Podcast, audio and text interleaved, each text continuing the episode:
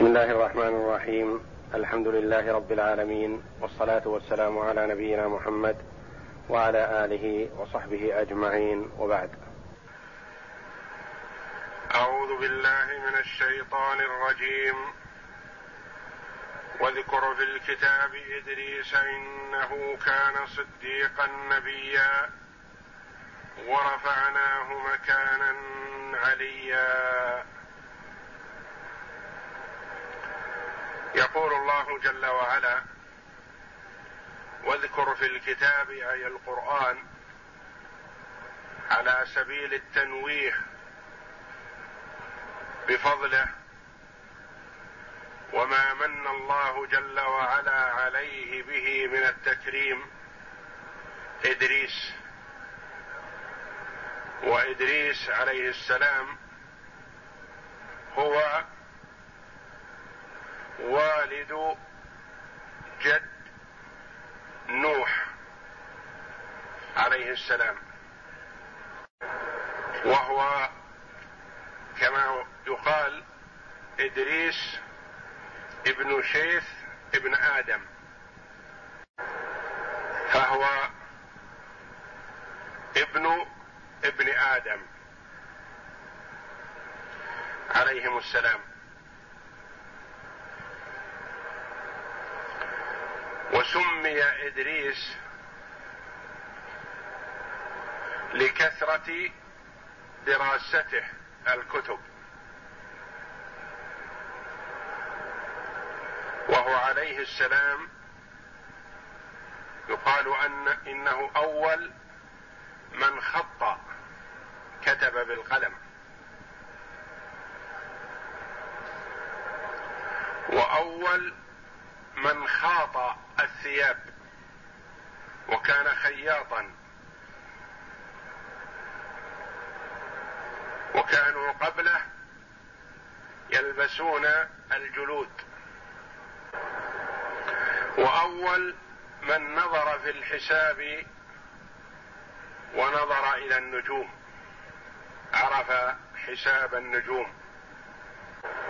إنه كان صديقا. كثير الصدق أو كثير التصديق فيما يأتيه عن الله جل وعلا. وقد روي أن الله أنزل عليه ثلاثين صحيفة. صديقا نبيا منبأ من الله جل وعلا.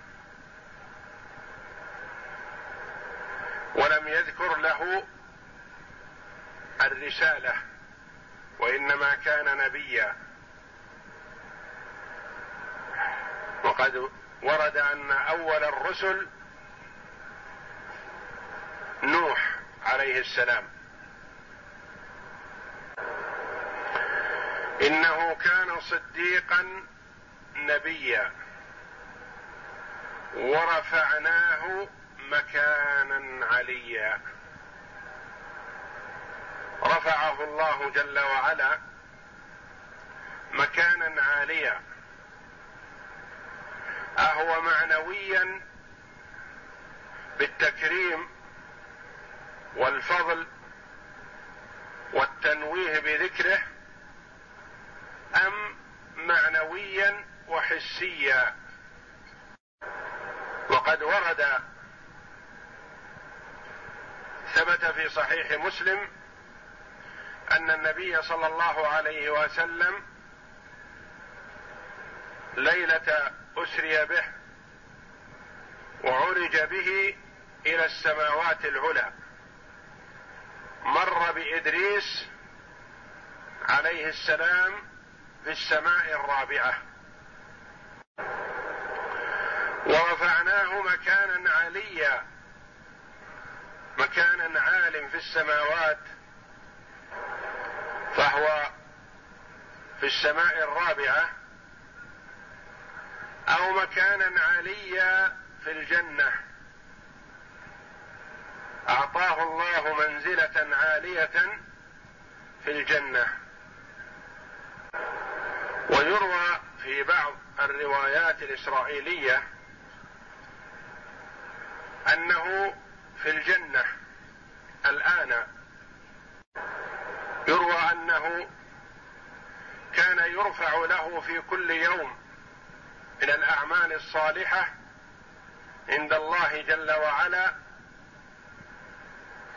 مثل ما يرفع لأهل الأرض كلهم في زمنه. وأنه جاءه ملك الموت وطلب منه أو بشفاعة أحد الملائكة أن يقبض روحه. فأمره الله جل وعلا بأن يقبض روح إدريس ويردها عليه بعد ساعة. فسأله لم طلبت أن أقبض روحك؟ فقال من أجل أن أعرف سكرات الموت فأستعد لذلك. ثم طلب منه أن يصعد به إلى السماوات وأن يريه الجنة والنار فصعد به بأمر الله جل وعلا وأراه الجنة النار اولا وفتح له الباب فرآها ثم فتح له باب الجنة فدخلها. ثم قال له صاحبه من الملائكة هلم أعود بك إلى مكانك السابق؟ فقال لا لا أخرج أبدا وتعلق بشجرة. فأرسل الله جل وعلا عليهم إليهم حكما من الملائكة على صورة آدمي. فقال له لم تخرج لم لا تخرج؟ وتعود إلى مكانك السابق. فقال لأن الله جل وعلا كتب الموت على كل نفس.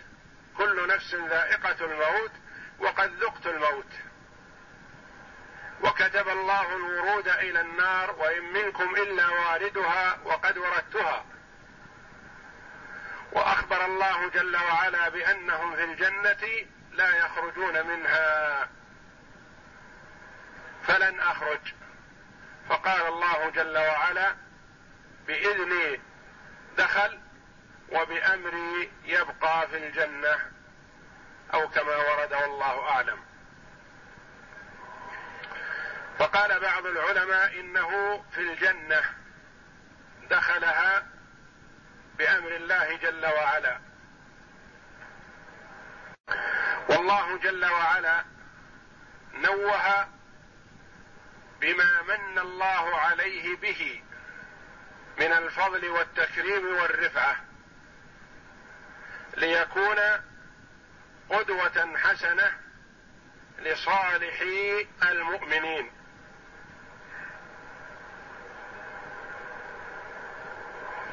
والمشهور الثابت أنه والد جد نوح عليهم السلام.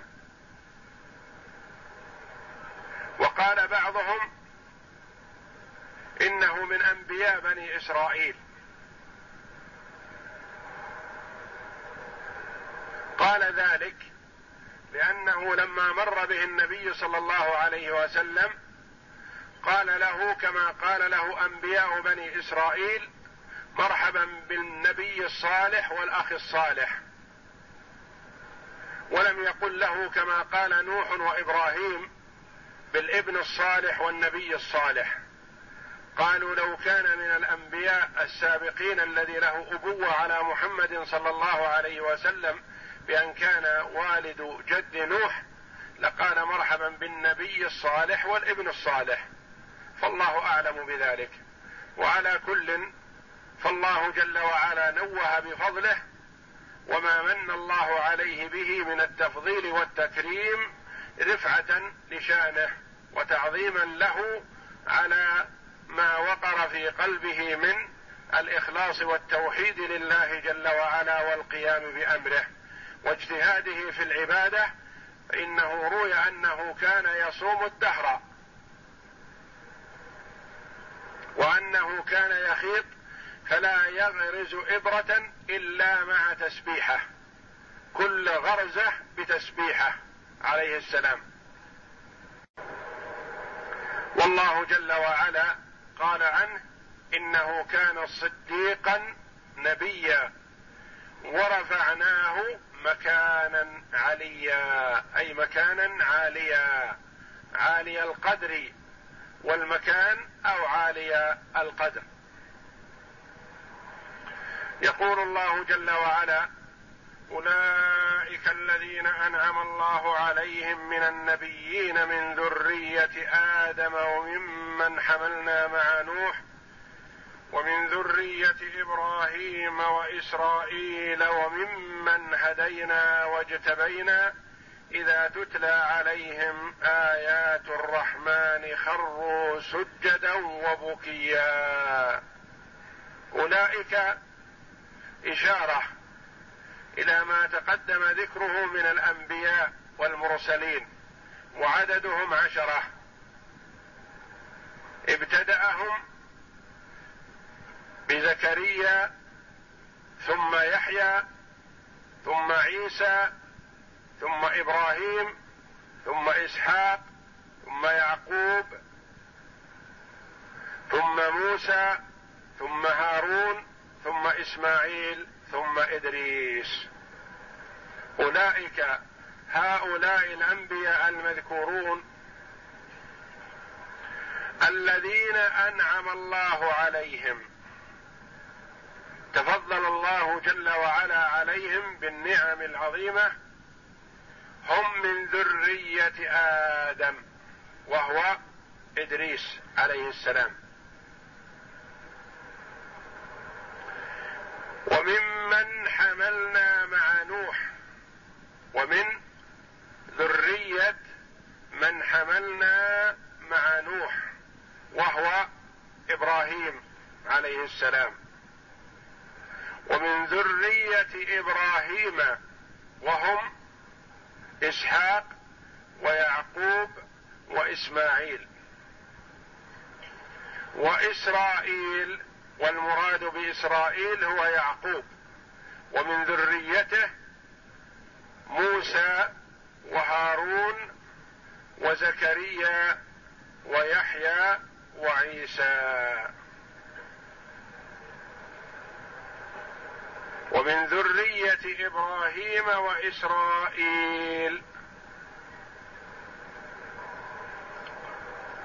قال العلماء رحمهم الله إن كلمة الذرية تشمل أبناء البنين وأبناء البنات.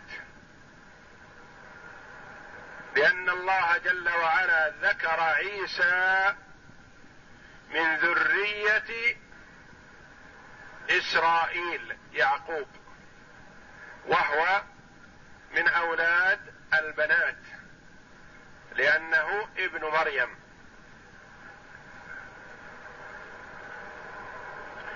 وممن هدينا واجتبينا هؤلاء ممن هدى الله جل وعلا لتوحيده واجتبينا بمعنى اصطفينا واخترناهم على غيرهم.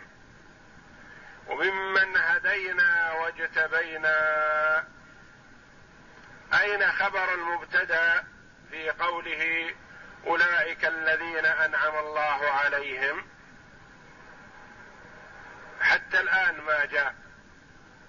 أولئك الذين أنعم الله عليهم من النبيين والصد من النبيين من ذرية آدم وممن حملنا مع نوح ومن ذرية إبراهيم وإسرائيل وممن هدينا واجتبينا.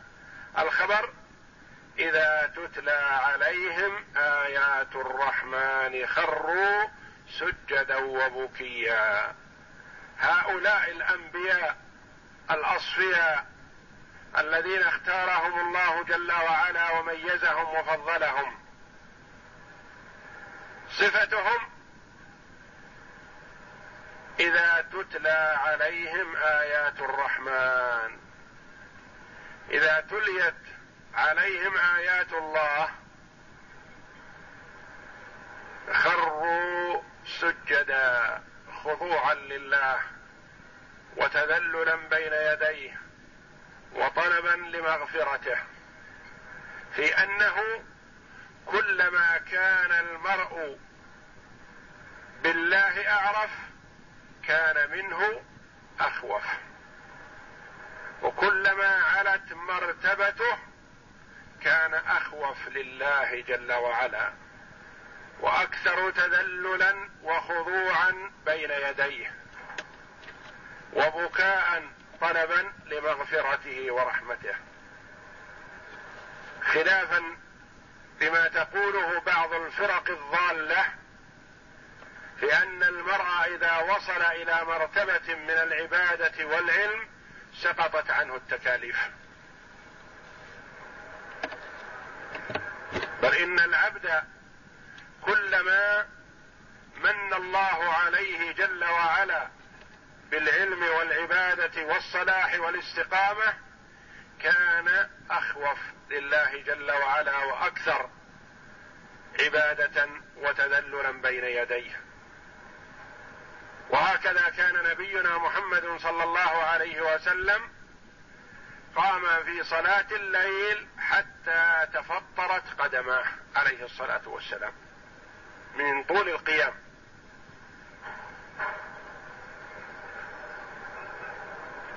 فتقول لها عائشة رضي الله عنها لأنها تراه وترى عمله فتشفق عليه رضي الله عنها وتقول له يا رسول الله تفعل هذا وقد غفر الله لك ما تقدم من ذنبك وما تأخر. فقال يا عائشة أفلا أكون عبدا شكورا؟ فكلما أحدث الله جل وعلا لعبده نعمة وجب على العبد أن يحدث لله شكرا. أولئك الذين أنعم الله عليهم من النبيين إذا تتلى عليهم آيات الرحمن. وعبر جل وعلا باسمه الرحمن في هذا الموطن دون سائر أسمائه لأن الله جل وعلا أنعم على هؤلاء برحمته وفضله وإحسانه. إذا تتلى عليهم آيات الرحمن الآيات الدالة على وحدانيته. الآيات الآمرة بطاعته والإخلاص له. خروا سجدا. خروا. سجدوا لله جل وعلا. خروا على الأرض سجودا لله جل وعلا. وذلك أنه أقرب ما يكون العبد من ربه وهو ساجد. أقرب ما يكون العبد من ربه وهو ساجد. ويقول عليه الصلاة والسلام أما الركوع فعظموا فيه الرب وأما السجود فأكثروا فيه من الدعاء فقمن أن يستجاب لكم يعني حري أن يستجاب لكم لأنه أقرب ما يكون العبد من ربه جل وعلا. إذا تتلى عليهم آيات الرحمن خروا سجدا وبكيا باكين. وقد ورد في الحديث أنه يستحب للإنسان عند قراءة القرآن أن يبكي فإن لم يبكي فليتباكى. يظهر البكاء والتذلل والخضوع بين يدي الله جل وعلا والرغبة فيما عنده. وهذه من السجدات التي هي مؤكدة فيستحب للإنسان إذا قرأ هذه الآية أن يسجد. وقد قرأ عمر رضي الله عنه هذه السورة فسجد وقال هذا السجود فأين البكي؟ يريد البكاء. يعني نفعل كما يفعل الصالحين كما يفعل الصالحون. سلفنا الأنبياء عليهم الصلاة والسلام. لكن لا نستطيع أن نأتي بمثل ما أتوا به.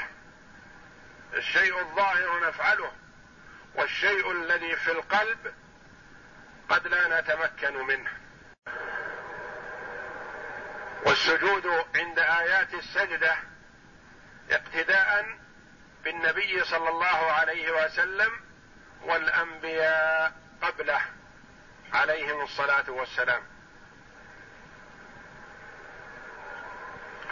فالله جل وعلا نوه بفضل هؤلاء الأنبياء وبين منزلتهم وشرفهم وما امتاز به كل واحد منهم من الصفات التي اتصفوا بها ترغيبا لعباده المؤمنين في أن يقتدوا بهم. كما قال الله جل وعلا لما ذكر عددا من الأنبياء والمرسلين أولئك الذين هدى الله فبهداه مقتده النبي صلى الله عليه وسلم مأمور بأن يقتدي بالأنبياء قبله وأمته مأمورة بأن تقتدي به عليه الصلاة والسلام. والله أعلم. وصلى الله وسلم وبارك على عبد ورسول نبينا محمد وعلى آله وصحبه أجمعين.